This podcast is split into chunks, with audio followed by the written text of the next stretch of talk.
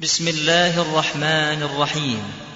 القمة القمة للإنتاج الإسلامي والتوزيع.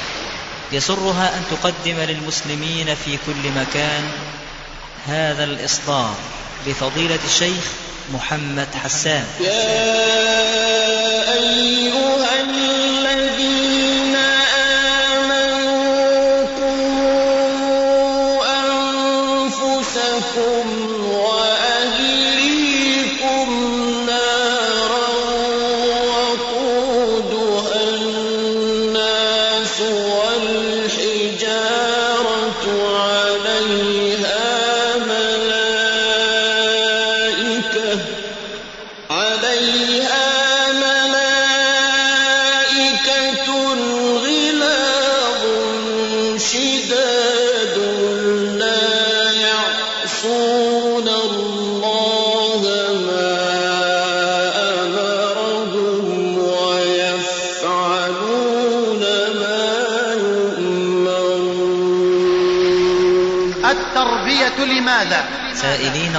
عز وجل أن ينفعنا بهذا العمل ويجعله خالصا لوجهه.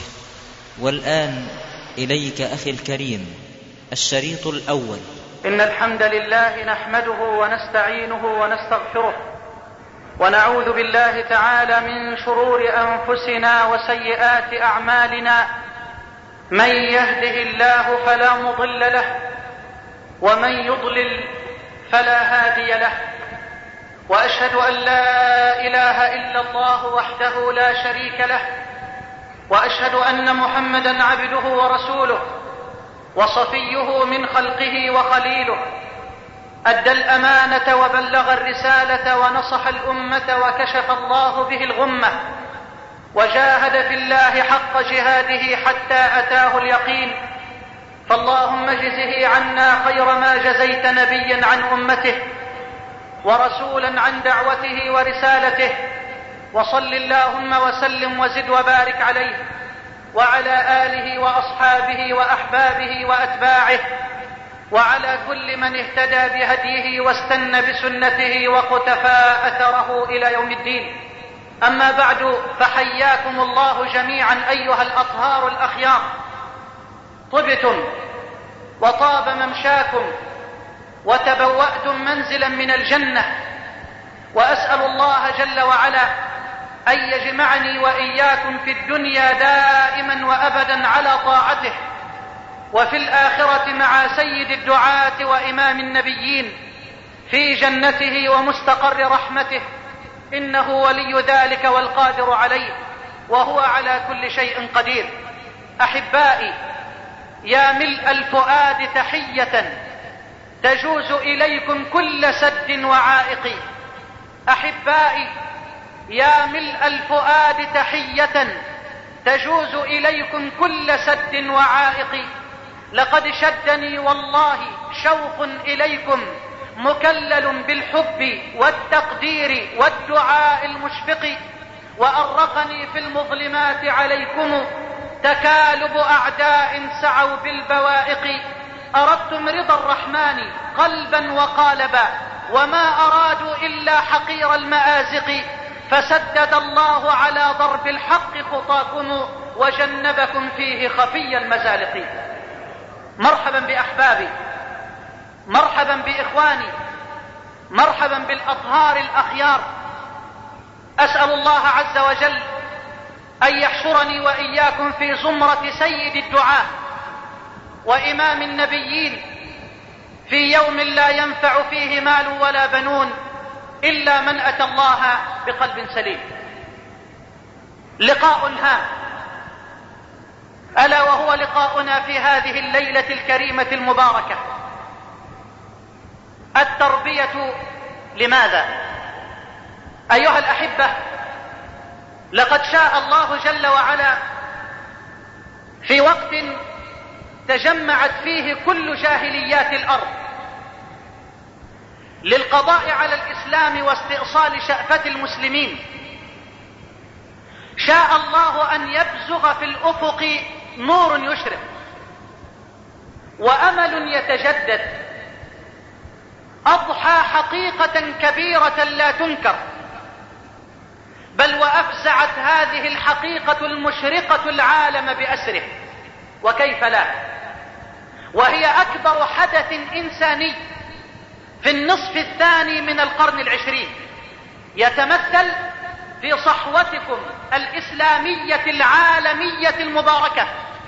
فها نحن نرى بفضل الله جل وعلا كوكبة كريمة وثلة مباركة عظيمة من شباب في ريعان الصبا وفتيات في عمر الورود تلكم الكوكبة الكريمة المباركة التي جاءت بعد بدر والقادسية واليرموك وحطين. جاءت من جديد لتمضي على طريق الدعوة الطويل الضارب في شعاب الزمان لدن نوح على نبينا وعليه الصلاة والسلام. جاءت هذه الكوكبة لتمضي على ذات الطريق مستقيمة الخطى ثابتة الأقدام تجتاز الصخور والأشواك والحجارة. نعم تسيل دماء. وتتمزق هنا وهناك أشلاء ولكن الركب الكريم في طريقه لا ينحني ولا ينثني ولا يحيد لأنه على ثقة مطلقة بنهاية الطريق بانتصار الحق ومحق الباطل وأن الحق ظاهر خالد وأن الباطل زاهق زائل. فحيثما توجهتم أيها الأحباب وجدتم صحوة عارمة عالمية مباركة. فلقد كنت في أمريكا منذ ثلاثة أشهر فقط بدعوة كريمة للمشاركة في ثلاثة مؤتمرات إسلامية. أبشركم ولله الحمد لقد حضر المؤتمر في قلب قلعة الكفر ما يزيد على ستة آلاف موحد وموحدة.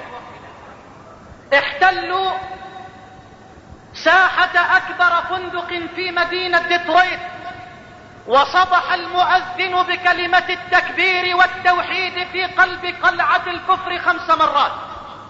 من منا كان يتوقع أن تصل الصحوة إلى قلعة الكفر؟ من منا كان يظن أن يكون هذا العمل المنظم الدقيق للإسلام في قلب أمريكا. إنه وعد الله.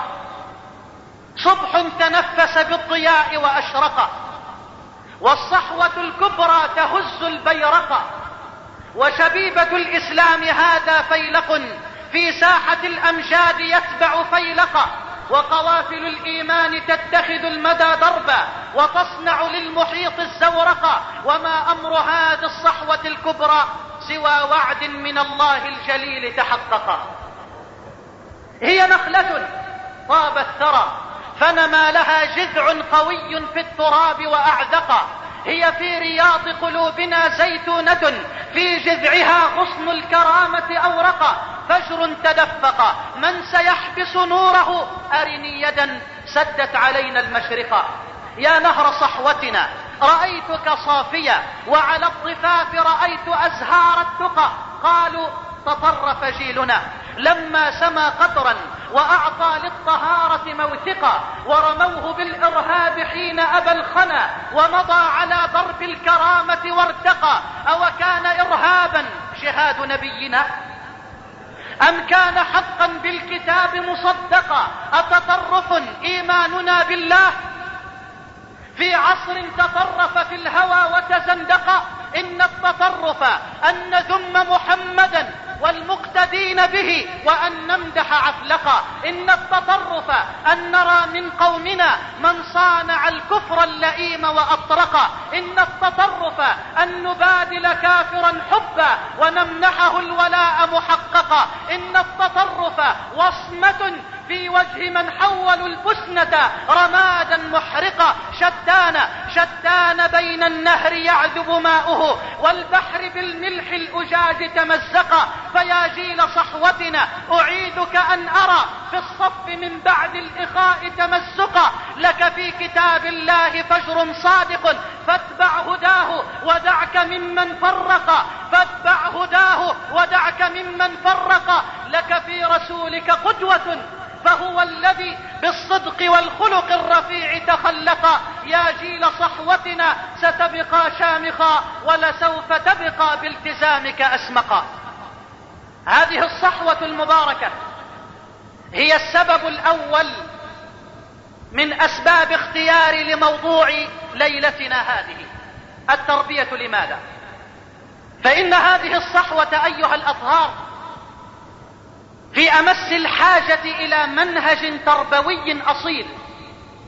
يقود خطها وسيرها ومسراها حتى لا يضيع جهد هذه الصحوة المباركة سدى كما يضيع ماء الأمطار بين الوديان والشعاب. من أجل أن تكون صحوة مثمرة بناءة قوية راشدة فإنها في أمس الحاجة إلى هذا المنهج التربوي المنبثق من القرآن والسنة الصحيحة بفهم سلف الأمة الصالح رضوان الله عليهم جميعا. هذا هو السبب الأول من أسباب اختياري لهذا العنوان. أما السبب الثاني فهو وانتبهوا جيدا فإني أعلم أن المحاضرة محاضرة منهجية تحتاج إلى تركيز حتى لا يشتكي بعض الأحبة بعد ذلك من صعوبة الطرح في هذا اللقاء. أقول إن السبب الثاني هو الانفصام بين المنهج المنير والواقع المرير.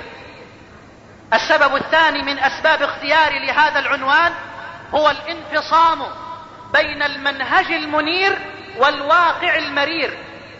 أيها الخيار إن المجتمع الإسلامي الذي شاد القرآن الكريم صرحه الشامخ وأرسى لبناته العظيمة على يد أعظم مرب عرفته الدنيا صلى الله عليه وآله وسلم كان مجتمعا فريدا لم تشهد بل ولن تشهد البشرية له مثيلا على مدار تاريخها الطويل.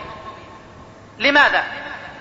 أنا أريد الآن أن أفصل لكم هذا الانفصام النكب بين المنهج المنير والواقع المرير فأقول إن المجتمع الذي شاد القرآن الكريم صرحه الشامخ وارسى لبناته العظيمة المتينة القوية على يد أعظم مرب عرفته الدنيا بأبي وأمي كان مجتمعا فريدا بكل ما تحمله هذه الكلمة من معان كان مجتمعا تمثلت فيه العبودية الكاملة لله وحده لا شريك له.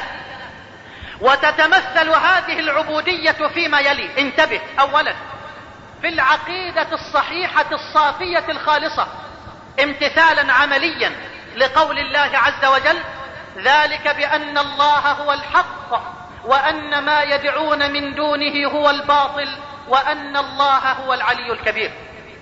وتمثلت هذه العبودية ثانية في العبادة الصحيحة بكمال ركنيها من كمال حب وكمال ذل وبشرطيها من إخلاص واتباع لرسول الله صلى الله عليه وآله وسلم. وتمثلت هذه العبودية ثالثا في الجانب التعبدي والتشريعي في تطبيق شريعة الله جل وعلا. امتثالا عمليا لقول الله سبحانه فلا وربك لا يؤمنون حتى يحكموك فيما شجر بينهم ثم لا يجدوا في أنفسهم حرجا مما قضيت ويسلموا تسليما. وتمثلت هذه العبودية رابعا في الجانب الأخلاقي والسلوكي والمعاملات امتثالا عمليا لقول الله جل وعلا إن الله يأمر بالعدل والإحسان وإيتاء ذي القربى وينهى عن الفحشاء والمنكر والبغي يعظكم لعلكم تذكرون. وتمثلت هذه العبودية خامسة في المحبة الصادقة والاتباع الصحيح لرسول الله صلى الله عليه وآله وسلم. وجسد هذا الاتباع الصادق وهذه المحبة الخالصة صحابي جليل جاء إلى الحبيب المصطفى ليقول له يوما يا رسول الله والله إنك لأحب إلي من نفسي وأحب إلي من ولدي ومالي وإني إذا كنت في بيتي فذكرتك يا رسول الله لا أصبر حتى آتي لأنظر إليك وإني تذكرت اليوم موتك يا رسول الله وعرفت أنك بعد موتك سترفع مع النبيين في الجنة وإذا مت أنا فلن أستطيع أن أراك يا رسول الله فبكيت. فلم يستطع النبي صلى الله عليه وآله وسلم جوابه. أمام هذا الحب المتدفق الحاني فنزل قول الله جل وعلا ومن يطع الله والرسول فأولئك مع الذين أنعم الله عليهم من النبيين والصديقين والشهداء والصالحين وحسن أولئك رفيقا. ذلك الفضل من الله وكفى بالله عليما. عبودية كاملة أيها الأحباب. إنه مجتمع رباه القرآن وطهر ظاهره وباطنه. ورباه المصطفى عليه الصلاة والسلام. فنقله من الكفر والعصبية والعنصرية البغيضة إلى واحة التوحيد والتسامح والمحبة والإخاء لا فرق في هذا المجتمع بين أحد ولا فضل لمن ارتفع على من اتضع ولا لمن اغتنى على من افتقر ولا لمن حكم على من حكم بل الكل سواء لا فضل لأحدهم إلا بالتقوى. مصداقا لقول ربنا إن أكرمكم عند الله أتقاكم إن الله عليم خبير. هذه بعض سمات العبودية الكاملة لهذا المجتمع لله جل وعلا وحده لا شريك له. وظل هذا المجتمع أيها الأحباب يرفل في ثوب التوحيد هذا وفي ثوب العبودية الكاملة لله جل وعلا. حتى ابتعد هذا المجتمع رويدا رويدا عن أصل عزه ومعين شرفه ونبع كرامته وراح يلهث وراء الشرق الملحد تارة ووراء الغرب الكافر تارة أخرى فوقع في هذا الانفصام الذي عنونت له بقول الانفصام بين المنهج المنير والواقع المرير وإليكم بعض مظاهر هذا الانفصام النكد بين المنهج والواقع. ففي جانب العقيدة نرى العقيدة اليوم تذبح شر ذبحة على أيدي أبنائها إلا من رحم ربك جل وعلا. فسمعنا ورأينا من يسأل غير الله ومن يذبح لغير الله. ومن ينظر لغير الله ومن يستعين بغير الله ومن يلجأ إلى غير الله ومن يفوض الأمر إلى غير الله ومن يتوكل على غير الله ومن يطوف بغير بيت الله. بل وسمعنا ورأينا على شاشات التلفاز في احتفال مولد السيد البدوي من يقول إننا الليلة نحتفي بمولد سيد البدوي المهاب الذي إن دعي في البر والبحر أجاب. فأين الله؟ أين الله؟ ذبحت العقيدة شر ذبحة ولوثت العقيدة ودنس التوحيد وصرفت العقيدة والعبادة لغير الله العزيز الحميد. والمصطفى صلى الله عليه وآله وسلم يقول من ذبح لغير الله فقد أشرك ومن نذر لغير الله فقد أشرك ومن حلف بغير الله فقد أشرك. ويوصي ابن عباس وصيته الخالدة يا غلام احفظ الله يحفظ احفظ الله تجده تجاهك إذا سألت فاسأل الله وإذا استعنت فاستعن بالله واعلم أن الأمة لو اجتمعت على أن ينفعوك بشيء لم ينفعوك إلا بشيء قد كتبه الله لك واعلم بأن الأمة لو اجتمعت على أن يضروك بشيء لم يضروك إلا بشيء قد كتبه الله عليك رفعت الأقلام وجفت الصحف. يا صاحب الهم إن الهم منفرج أبشر بخير فإن الفارج الله. وإذا بليت فثق بالله وارض به إن الذي يكشف البلوى هو الله. الله يحدث بعد العسر ميسرة. لا تجزعن فإن الصانع الله. والله ما لك غير الله من أحد. فحسبك الله في كل لك الله. إذا سألت فاسأل الله وإذا استعنت فاستعن بالله. وقل لربك بقلبك ولسانك وجوارحك وعملك. اللهم إني أبرأ من الثقة إلا بك وأبرأ من الأمل إلا فيك وأبرأ من التسليم إلا لك وأبرأ من التفويض إلا إليك وأبرأ من التوكل إلا عليك وأبرأ من الصبر إلا على بابك وأبرأ من الذل إلا في طاعتك وأبرأ من الرهبة إلا لجلالك العظيم وأبرأ من الرجاء إلا لما في يديك الكريمتين. اللهم تتابع برك واتصل خيرك وكمل عطاؤك وعمت فواضلك وتمت نوافلك وبر قسمك وصدق وعدك وحق على أعدائك وعيدك ووعدك. ولم تبق حاجة لنا إلا قضيتها ويسرتها يا أرحم الراحمين. أخلص العبادة لله. فمن مظاهر الانفصام في جانب العقيدة أننا نرى العقيدة قد ذبحت شر ذبحة على أيدي أبنائها إلا من رحم ربك جل وعلا. وفي جانب العبادة نرى كثيرا من الناس قد صرف العبادة لغير الله. بل ومن أبناء الأمة من يدعي الآن ويقول إنني ممن يعتقد أن للكون أقطابا وأوتادا وأبدالا تسير شؤونه وتدبر نظامه. والله جل وعلا يقول قل إن الأمر كله لله.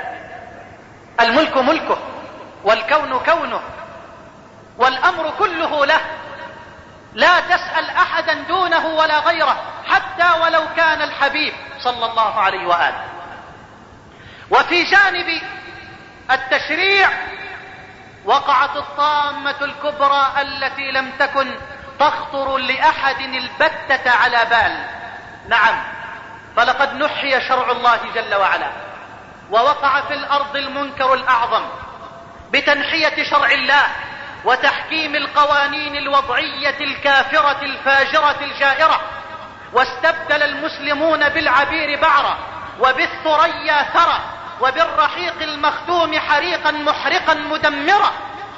يوم أن نحوا شريعة الله واستبدلوا بها شريعة المهازيل من البشر من العلمانيين والديمقراطيين والشيوعيين وأصحاب الأهواء والشبهات والشهوات. ولا حول ولا قوة إلا بالله رب الأرض والسماوات. وفي جانب الأخلاق والسلوك والمعاملات فحدث عن هذا الانفصام ولا حرج. وهذا الانفصام النكد في جانب الأخلاق والمعاملات والسلوك إنما هو أمر حتمي وهي نتيجة حتمية للتخلف العقدي والتعبدي والتشريعي مع غياب المنهج التربوي الأصيل المنبثق من القرآن والسنة بفهم سلف الأمة. هذه أيها الأحبة بعض مظاهر الانفصام النكد بين المنهج المنير والواقع المرير. أما السبب الثالث فهو الذوبان في بوتقة المناهج التربوية الغربية الدخيلة. السبب الثالث من أسباب طرحي لهذا الموضوع هو الذوبان في بوتقة المناهج التربوية الغربية الدخيلة. فلقد هزمت الأمة هزيمة نفسية نكراء. وراحت تنظر إلى هذه الحضارة الغربية المادية نظر الملهوف الذي فقد كل شيء وأصبح مستعدا للذوبان في أي شيء وللتفاعل مع أي منهج حتى ولو كان يخالف العقيدة والسنة النبوية الصحيحة. فانساحت الأمة. وراحت تحاكي محاكاة عمياء. تقلد الشرق الملحد تارة وتدور في فلك الغرب الكافر تارة أخرى. وها نحن الآن نراها تدور في فلك الوسط مرة ثالثة. وصدق فيها قول من لا ينطق عن الهوى صلى الله عليه وآله وسلم كما في الصحيحين من حديث أبي سعيد أنه صلى الله عليه وآله وسلم قال لتتبعن سنن من كان قبلكم. أو من حديث أبي هريرة لتتبعن سنن من كان قبلكم شبرا بشبر وذراعا بذراع حتى لو دخلوا جحر ضب لدخلتموه وراءه. قالوا يا رسول الله اليهود والنصارى؟ قال فمن؟ من غير هؤلاء؟ اتبعت الأمة طريق المغضوب عليهم من اليهود. وطريق الضالين من النصارى وتركت الأمة طريق الأطهار الأخيار الأبرار تركت أصل عزها ونبع شرفها ومجدها وكرامتها وسيادتها بل وبقائها. وراحت تلهث وراء الشرق الملحد تارة ووراء الغرب الكافر تارة أخرى ولا حول ولا قوة إلا بالله. وهنا قد يئن الإخوة ويقولون بنبرة حزن وألم فما هو الحل؟ وما هو العلاج؟ وما هو السبيل إلى الإصلاح؟ والجواب في كلمة واحدة. نعم في كلمة واحدة ألا وهي التربية. التربية. قد يئن الآن بعض الأحبة ويقول أهذا هو الطريق وذاك هو العلاج؟ وأقول نعم يقول آه والله إنه لطريق طويل. والجواب أنه على الرغم من طوله فإن هذا الطريق هو الذي سلكه أعظم مرب عرفته الدنيا. لقد أقام النبي دولة أيها الأحباب. فما هي المنهجية الصحيحة لإقامة دولة الإسلام؟ اذهبوا معي إلى رسول الله صلى الله عليه وآله وسلم. لنرى كيف أقام النبي دولة أذلت الأكاسرة وأهانت القياصرة وغيرت مجرى التاريخ في فترة لا تساوي في حساب الزمن شيئا. والله ما بدأ النبي إلا بالتربية بتربية أفراد قلائل من الصحابة الأطهار الأخيار الكرام خلا بهم بعيدا عن هذا المجتمع الجاهلي الذي كفر بالله وأشرك بالله جل وعلا في دار منعزلة بعيدة لأنه لا بد من الانفصام ولا بد من التميز ولا بد من المفاصلة. أما أن نعيش وسط هذا المجتمع وأن نحاكيه وأن نقلده وأن لا نعتز بعقيدتنا وأن لا نستعلي بديننا وأن لا ننفصم بإيماننا وأن لا نظهر للدنيا توحيدنا وإسلامنا فلن نستطيع أن ننقل للدنيا هذا النور الذي جاءنا به محمد صلى الله عليه وآله وسلم. خلى النبي بهؤلاء الأطهار في دار بعيدة متواضعة في دار الأرقم ابن أبي الأرقم وبدأ النبي مع هؤلاء ليربيهم على القرآن وعلى السنة الصحيحة ليصقل نفوسهم وليهذب ضمائرهم وليربي أخلاقهم وقلوبهم ثم قام بهم. ومعهم وعلى أكتافهم ليقيم للإسلام دولة أذلت الأكاسرة وأهانت القياصرة وغيرت مجرى التاريخ في فترة لا تساوي في حساب الزمن شيئا. وانتبه أيها الشاب الحبيب والله إني لأعلم أن دماء الإخلاص تتدفق في عروقك حبا لهذا الدين ووالله إني لأعلم أنك الآن على استعداد لأن تقدم دمك ولأن تقدم روحك ولأن تقدم نفسك لدين الله جل وعلا. وهذا خير عظيم كثير. واحمد الله على هذا. أن شرفك الله بحمل هم هذا الدين. فغيرك يشير ويمشي في هذه الحياة الدنيا بلا غاية بلا هدف. لا يعرف له غاية ولا يعرف له هدفا ولا يعرف له مصيرا فاحمد الله أن شرفك بهذا الدين ومما زادني فخرا وتيها وكدت بأخمصي أطأ الثريا دخولي تحت قولك يا عبادي وأن أرسلت أحمد لي نبيا. أيها الحبيب لا تتعجل لا تتعجلوا النتائج أيها الأطهار فإن دين الله قادم إي وربي كقدوم الليل والنهار لا تتعجلوا النتائج.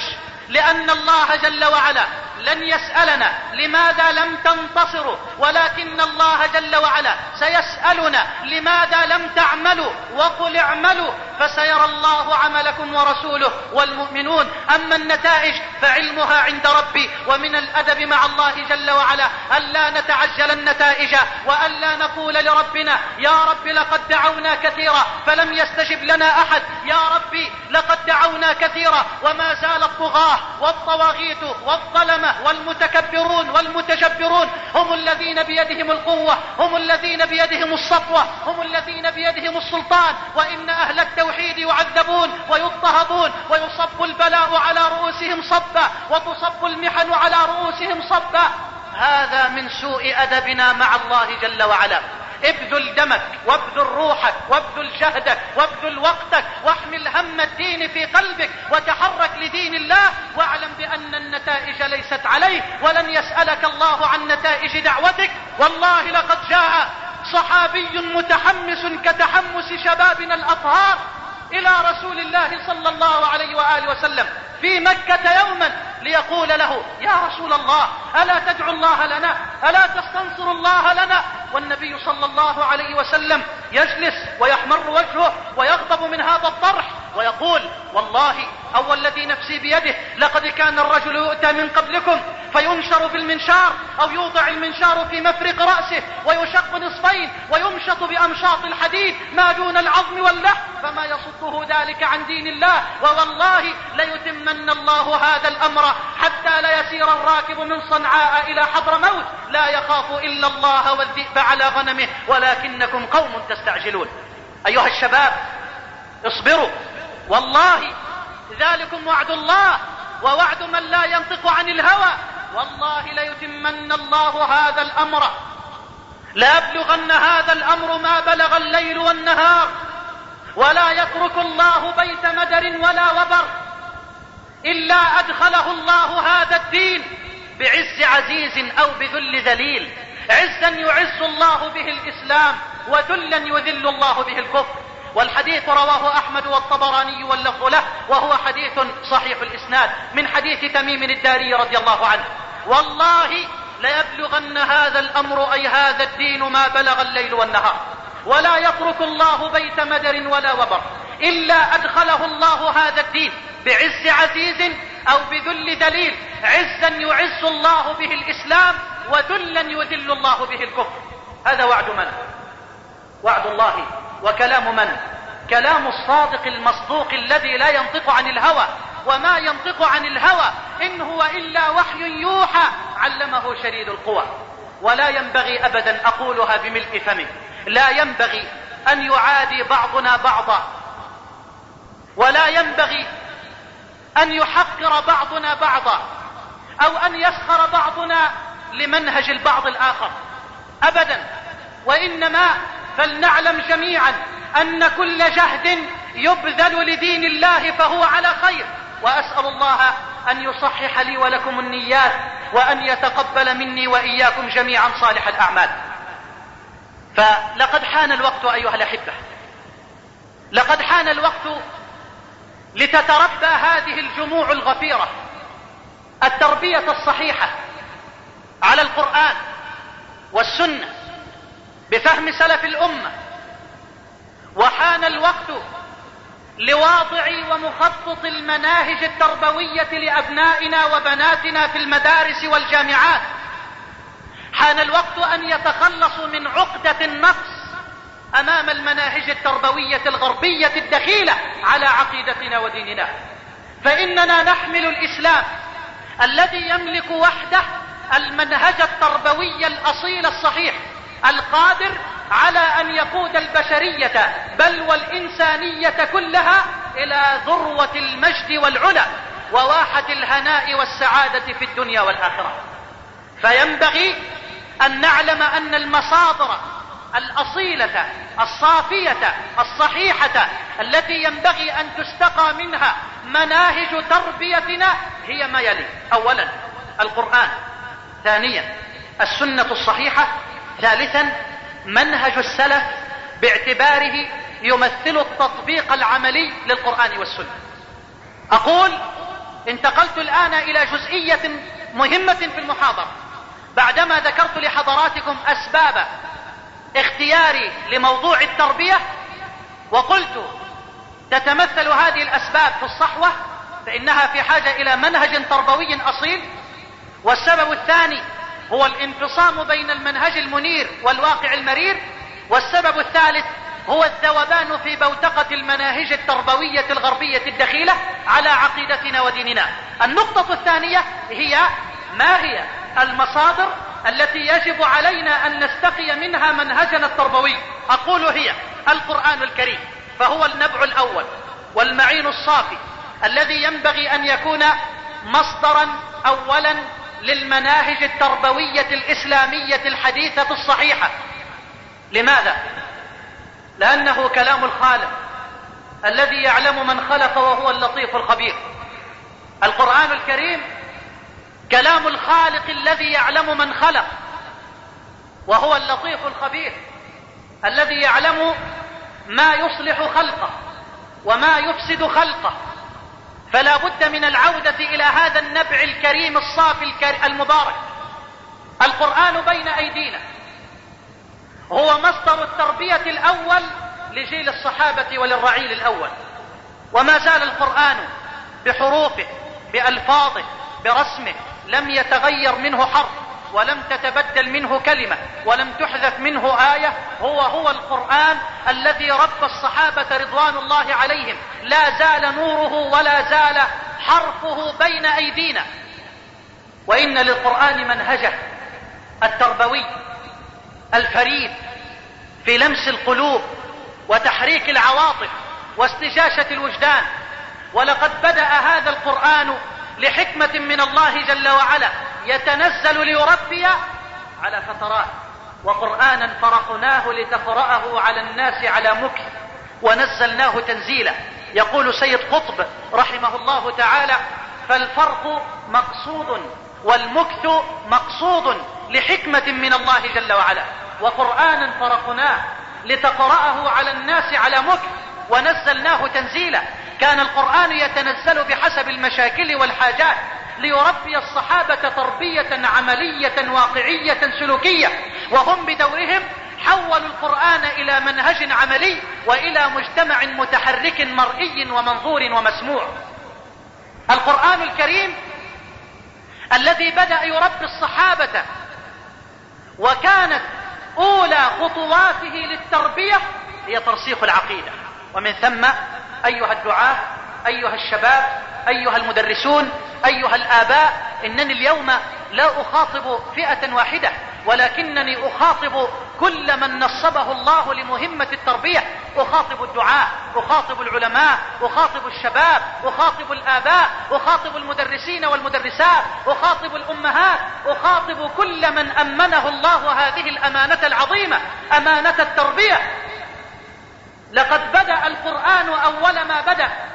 ليربي الصحابة بدأ بترسيخ العقيدة في القلوب لأنه والله لا تصح تربية على الإطلاق إلا إذا تربى الناس على العقيدة الصحيحة إلا إذا عرف الناس ابتداء من خالقهم من رازقهم من إلههم من الذي ينبغي أن تصرف العبادة إليه من الذي يستحق أن يسأل من الذي يستحق أن يذكر. هذه أول لبنة من لبنات التربية التي لا بد أن تؤسس على بينة ووضوح وجلاء. بدأ القرآن بترسيخ العقيدة في القلوب فعرفهم من خالقهم. وللقرآن كما ذكرت أسلوبه بدون تعقيد بمنتهى البساطة والوضوح. اسمع معي هذه الآيات من سورة النمل. كيف حركت قلوب هؤلاء واستجاشت عواطفهم ولمست وجدانهم وعرفتهم في النهاية خالقهم ورازقهم وإلههم ومعبودهم جل وعلا. اسمع معي أيها الحبيب. يقول الحق تبارك وتعالى أمن خلق السماوات والأرض وأنزل لكم من السماء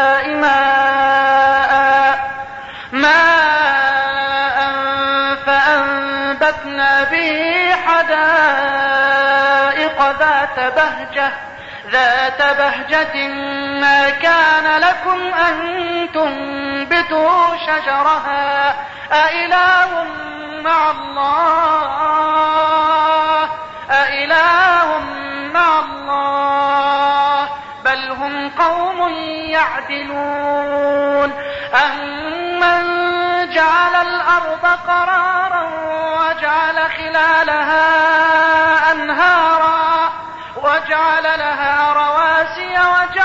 بين البحرين حاجزا أإله مع الله؟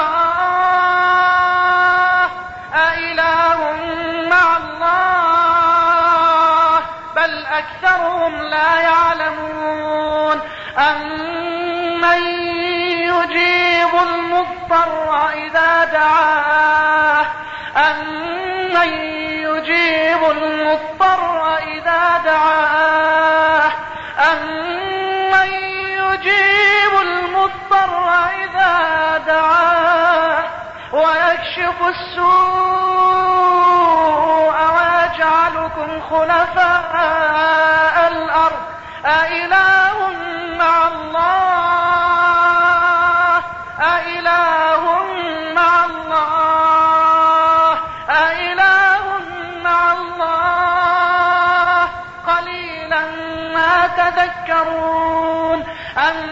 أمن يهديكم في ظلمات البر والبحر ومن يرسل الرياح بشرا بين يدي رحمته أإله مع الله أإله مع الله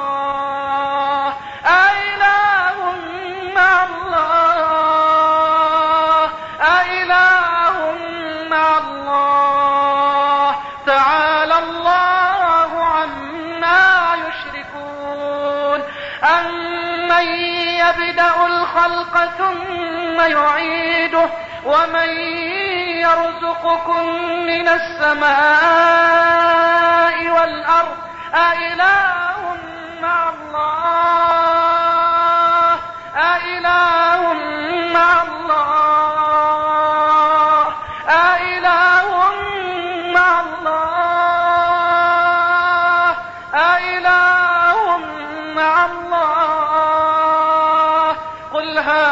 هاتوا برهانكم إن كنتم صادقين. آيات عجيبة. تخاطب القلب. تخاطب أعماق الفطرة. أمن خلق السماوات والأرض.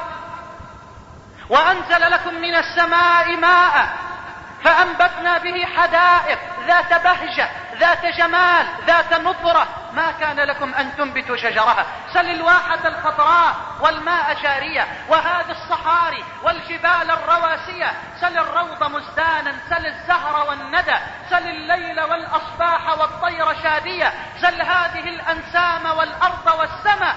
سل كل شيء. تسمع التوحيد لله ساريا ولو جن هذا الليل وامتد سرمدا فمن غير ربي يرجع الصبح ثانية. أإله مع الله؟ لا رب غيره ولا معبود سواه. الله ربي لا أريد سواه. هل في الوجود حقيقة إلا هو؟ الشمس والبدر من أنوار حكمته. والبر والبحر فيض من عطاياه الطير سبحه والوحش مجده والموج كبره والحوت ناجاه والنمل تحت الصخور الصم قدسه والنحل يهتف حمدا في خلاياه والناس يعصونه جهرا فيسترهم والعبد ينسى وربي ليس ينساه. أإله مع الله؟ يا أحمد يا ابن حنبل ما الدليل على وجود الله؟ فقدم ورفع البيضة وقال أحمد هذا حصن حصين أملس ليس له باب وليس له منفذ ظاهره كالفضة البيضاء وباطنه كالذهب الإبريز فبينما هو كذلك إذ انصدع جداره وخرج منه حيوان سميع بصير. القرآن له أسلوبه. ولذا خاف المشركون على أنفسهم من أسلوب القرآن في التربية. خافوا على أنفسهم. وحذر بعضهم البعض الآخر. وقالوا لا تسمعوا لهذا القرآن والغوا فيه لعلكم تغلبون. بل ووالله تعجبون أيها الأحباب الأطهار الخيار الكرام أن الحبيب المصطفى صلى الله عليه وآله وسلم في السنة الخامسة من البعثة المباركة في مكة زادها الله تشريفا وتكريما. خرج النبي ليصلي في الكعبة المشرفة ووقف النبي يقرأ القرآن ومن بين يديه جلس المشركون وجلس صناديد الكفر والشرك. ووقف النبي يصلي ويقرأ القرآن وقرأ النبي سورة النجم. وفي أواخر السورة قرأ النبي قوارع تطير لها القلوب والأفئدة. أزفت الآزفة أزفت الآزفة. ليس لها من دون الله كاشفة. أفمن هذا الحديث تعجبون؟ وتضحكون ولا تبكون. وتضحكون ولا تبكون. وأنتم سامدون. فاسجدوا لله واعبدوا. وقام الحبيب صلى الله عليه وآله وسلم وخر ساجدا لله. فلم يتمالك المشركون أنفسهم. وقاموا خلف النبي فخروا سجدا لله جل وعلا. وهم على الشرك والكفر. وقصة سجود المشركين خلف رسول الله رواها الإمام البخاري في صحيحه. وعنون لهذا الباب بعنوان باب سجود المسلمين مع المشركين. ورواه مختصرا من حديث ابن عباس أن النبي قرأ بصورة النجم وسجد وسجد معه المسلمون والمشركون والجن والإنس. لو أنزلنا هذا القرآن على جبل لرأيته خاشعا لرأيته خاشعا متصدعا من خشية الله. وتلك الأمثال نضربها للناس لعلهم يتفكرون. إنه جلال القرآن. إنه كلام الحق جل وعلا. هذا هو مصدر التربية الأول. أجاب القرآن وعرف القرآن الإنسان من خالقه. وبعدما أجابه على هذا السؤال عرفه على مصيره. ما هو مصيره؟ ما هي الغاية؟ ما هو الهدف؟ لماذا تعيش؟ ما هي النتيجة؟ ما هو الهدف؟ أجابه بمنتهى الوضوح. وعرفه بأن بأنه لابد أن يأتي يوم ساقف فيه بين يدي الله ليسأل عن القليل والكثير وعن الصغير وعن الكبير. فمن يعمل مثقال ذرة خيرا يره ومن يعمل مثقال ذرة شرا يره. أجاب القرآن. وهذا هو الأسلوب التربوي الصحيح. أن يجيب المنهج على كل تساؤل. وعلى كل استفسار إجابة مقنعة إجابة واقعية إجابة منطقية إجابة تريح القلب وتريح العقل وتريح الوجدان وتريح الفؤاد. ولذا أنادي الآن على أساتذتي وأحبابي من المدرسين والمدرسات ألا يضيق صدره بسؤال طالبه. وإنما ينبغي أن يفتح صدره لطلابه وأن يجيب عليهم وأن يحاول أن يقنعهم بالجواب وأن يحاول أن يربطهم, بالجو... يربطهم بالجواب ربطا واقعيا عمليا وسلوكيا حتى ينطلق الطالب وهو على ثقة وهو على يقين ويعجبني هذا الأستاذ الذي جاءه تلميذه يوما فقال يا أستاذي لقد علمت أنك ترى رسول الله في رؤياك. قال وماذا تريد يا بني؟ قال إني في شوق إليه ووالله إني لأريد أن أرى الحبيب في نومي فدلني ماذا أصنع وماذا أفعل؟ فقال أستاذه ليعلمه تعليما عمليا سلوكيا قال أنت مدعو عندي الليلة للعشاء فذهب التلميذ لأستاذه وأحضر الأستاذ لتلميذه العشاء وأكثر فيه نسبة الملح ومنع عنه الماء. ولما طلب التلميذ الماء أبى أستاذه عليه وقال له نم وقبل الفجر نستيقظ لأعلمك كيف ترى رسول الله في رؤياك فنام التلميذ وهو يتلوى من شدة العطش وهو في أمس الحاجة إلى جرعة ماء. فلما استيقظ سأله أستاذه قال قبل أن أعلمك كيف ترى رسول الله في الرؤيا. هل رأيت الليلة شيئا في نومك؟ قال نعم. قال ماذا رأيت؟ قال رأيت الأمطار تمطر والأنهار تجري والبحار تسير لأن همه في الماء فرأى الأمطار والأنهار والبحار فقال أستاذه الذكي نعم صدقت نيتك فصدقت رؤيتك ولو صدقت محبتك لرأيت رسول الله. وسيلة إيضاح عملية.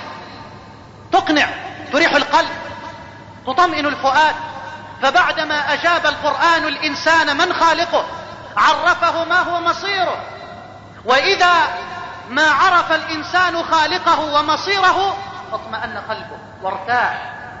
وتخلص من عقدة القلق والحيرة والشك والاضطراب الذي يعانيها هؤلاء الذين شذوا عن منهج ربنا جل وعلا.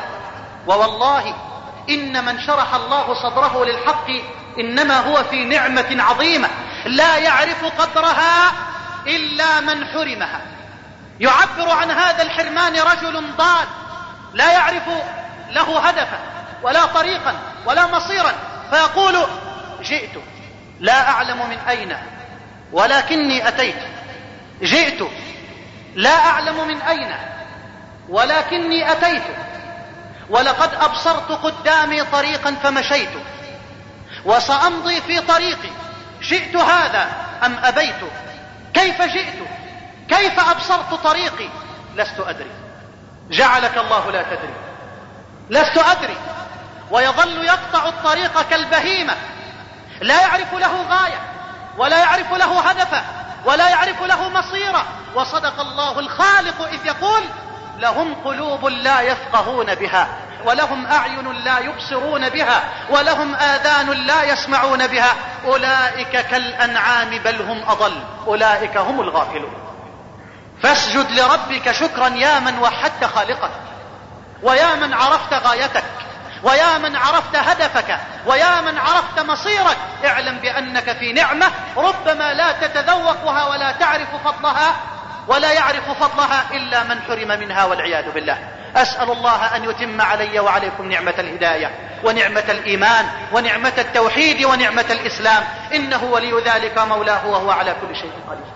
وبعد أن أجاب الإسلام والقرآن الإنسان إجابة شافية من خالقه وما هو مصيره وعرفه باليوم الآخر لم يدع صغيرة ولا كبيرة إلا وقد قال فيها قولا وبين منهجها في الحياة الحربية والسياسية والاقتصادية والإعلامية والتعليمية والعلمية. ولا أريد أن أستطرد لأقف مع كل جزئية لأبين المنهج القرآني في كل جانب من هذه الجوانب.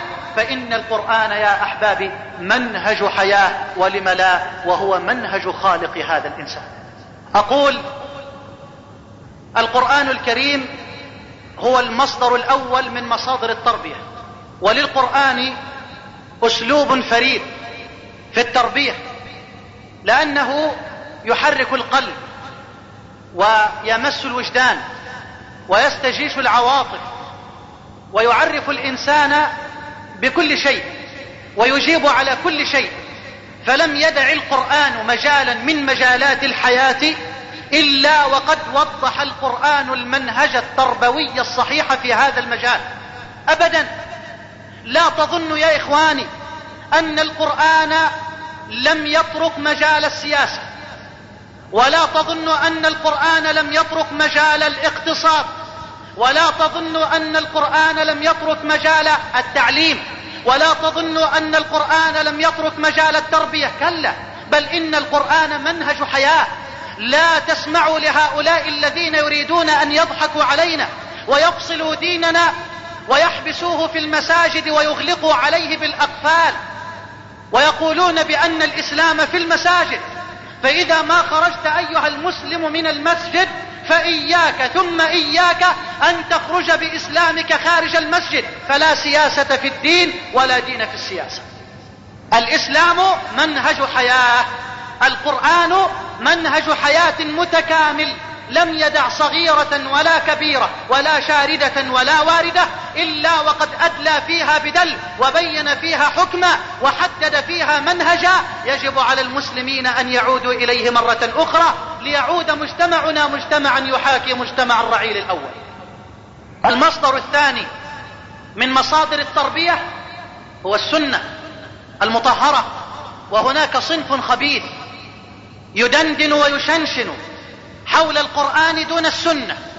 ويقولون إننا لا ننكر القرآن ونريد أن نأخذ بالقرآن ولكن السنة فيها الصحيح وفيها الضعيف وفيها الموضوع فلا داعي إذن للأخذ بالسنة ويكفينا أن نأخذ بالقرآن. ولا يدري أي ولا يدري أن أنه إذا أخذ القرآن وضيع السنة فقد ضيع القرآن والسنة معا وقد قال الصادق المصدوق الذي لا ينطق عن الهوى ذلك وبين أنه سيأتي من أبناء الأمة من يقول هذا كما في الحديث الذي رواه الحاكم في المستدرك وصحح إسناده شيخنا الألباني من حديث المقدام بن معد يكرب أنه صلى الله عليه وآله وسلم قال ألا إني أوتيت الكتاب ومثله معه ألا يوشك رجل شبعان متكئ على أريكته يقول عليكم بهذا القرآن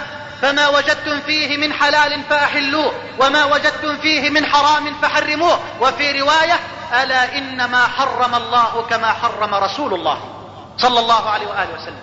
فلا بد أيها الأحبة من السنة مع القرآن. بل لقد جمع النبي صلى الله عليه وآله وسلم بينهما. كما في الحديث الذي رواه ابن ماجة والحاكم في المستدرك وصححه أيضا الشيخ الألباني أنه صلى الله عليه وآله وسلم قال تركت فيكم شيئين لن تضلوا ما تمسكتم بهما كتاب الله وسنتي ولن يتفرقا حتى يرد علي الحوض. وأرجو الله ألا ننساها.